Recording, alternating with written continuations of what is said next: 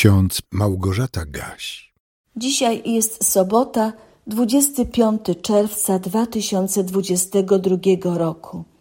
W piątej księdze Mojżeszowej, w ósmym rozdziale wierszu piątym czytamy: Poznaj w swoim sercu, że jak człowiek wychowuje swego syna, tak Pan, Twój Bóg, wychowuje Ciebie. A w Ewangelii Jana w trzynastym rozdziale wierszu piętnastym czytamy: Jezus mówi: Dałem Wam przykład, byście i Wy czynili, jak ja Wam uczyniłem. Nie jest łatwo być wychowawcą. Wiedzą o tym najlepiej ci, którzy zawodowo poświęcają czas na kontakt z małymi dziećmi, nastolatkami i w ogóle z ludźmi, którzy z różnych powodów na różnych etapach swojego życia potrzebują nauczycieli, przewodników czy doradców. Różne są metody wychowawcze i one bardzo się zmieniły w ostatnich kilkudziesięciu latach. Gdy na przykład porównujemy sposób traktowania uczniów w szkole w latach 60. czy nawet 80. minionego wieku z tym, co jest teraz, to dochodzimy do wniosku, że albo kiedyś było bardzo źle, albo teraz w niektórych sytuacjach wychowawcy stosują metody, które na pewno nie przynoszą dobrych efektów, a wręcz są szkodliwe dla młodych ludzi. I nie tylko. Nie będę teraz wyrażała moich opinii na temat współczesnych metod. Nie będę nawet cytowała wypowiedzi specjalistów, psychologów, psychoterapeutów, czy po prostu nauczycieli i wychowawców z powołania. Ale chcę, żebyśmy przez chwilę pomyśleli, jakim wychowawcą jest Pan Bóg i czy Jego metody wychowawcze też się zmieniają, zmieniły? Jak sądzicie, drodzy słuchacze? Moim zdaniem, również Pan Bóg zmieniał swoje metody w stosunku do nieposłusznych ludzi. Taki wniosek wyciągam na podstawie lektury Pisma Świętego. I teraz spróbuję podać kilka przykładów. W czasach Starego Testamentu Bóg często wychowywał ludzi, swój wybrany naród, poprzez stosowanie kar i nagród. Zresztą wyraźnie zapowiedział Izraelitom, że jeżeli będą posłusznie wypełniać Jego wolę, przestrzegając dekalogu, to On będzie im obficie błogosławił na każdym kroku. A jeżeli będą odwracać się od Niego i poszukiwać swoich bożków, a potem oddawać im cześć należną jednemu Bogu, to na pewno zostaną ukarani, czyli pozbawieni Bożego błogosławieństwa. Szczególnie w okresie sędziów Bóg karał swój nieposłuszny i niewierny lud, pozwalając na to, by pogańskie narody na niego napadały i rabowały wszystko, co się dało.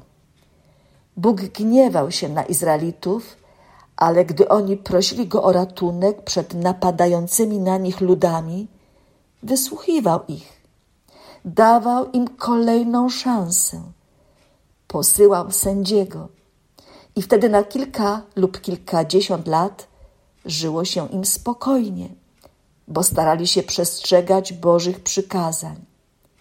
Ale niestety po jakimś czasie znowu następował zły okres w historii ludu wybranego i Bóg znowu musiał swój lud wychowywać, stosując dotkliwe kary.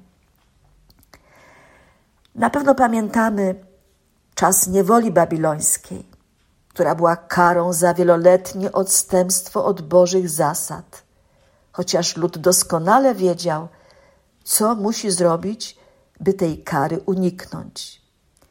Lud przez długi czas był napominany przez proroków, mężów bożych, ale nie chciał do Boga się nawrócić, więc poniósł tego smutne konsekwencje.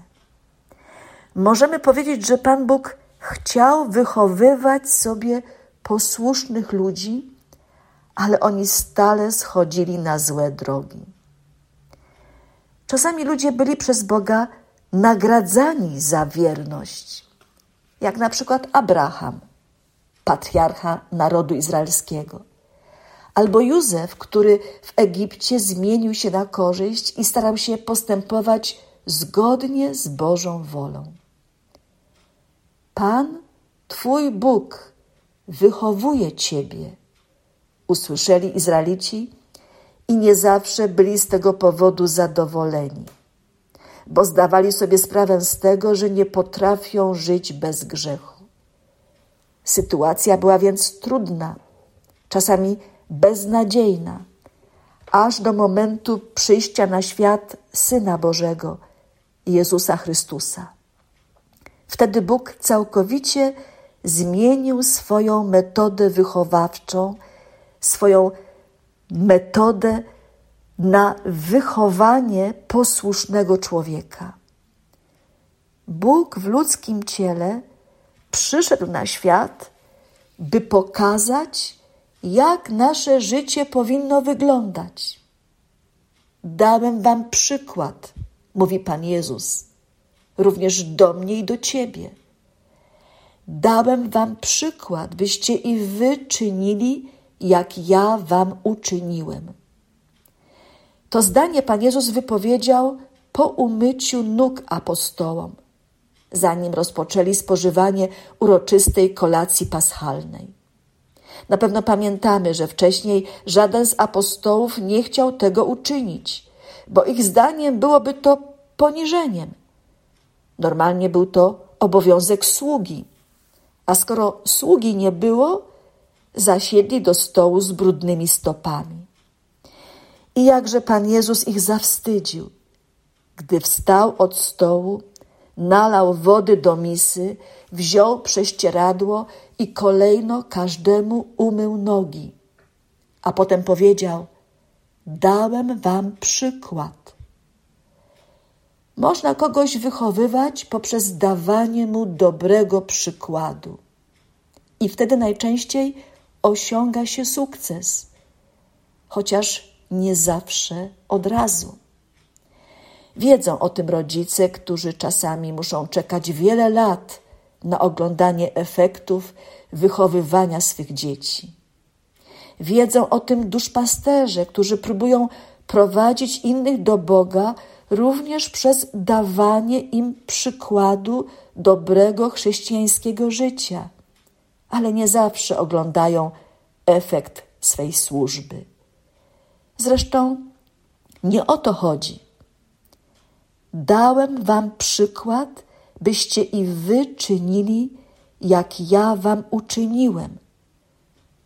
Te słowa Jezusa trzeba zapamiętać. Módlmy się. Boże, Ojcze Jezusa Chrystusa, przez Jezusa pokazujesz nam drogę do życia, jakie zgodnie z Twoją wolą powinniśmy prowadzić. Potrzebujemy Jego prawdziwości, odwagi, ale przede wszystkim Jego miłości do Ciebie i do bliźnich. Wzmacniaj nas, abyśmy w Jego duchu żyli. Amen. Niech Wam wszystkim błogosławi Wszechmogący i miłosierny Bóg, Ojciec, Syn i Duch Święty. Amen. Więcej materiałów na www.trojca.waw.pl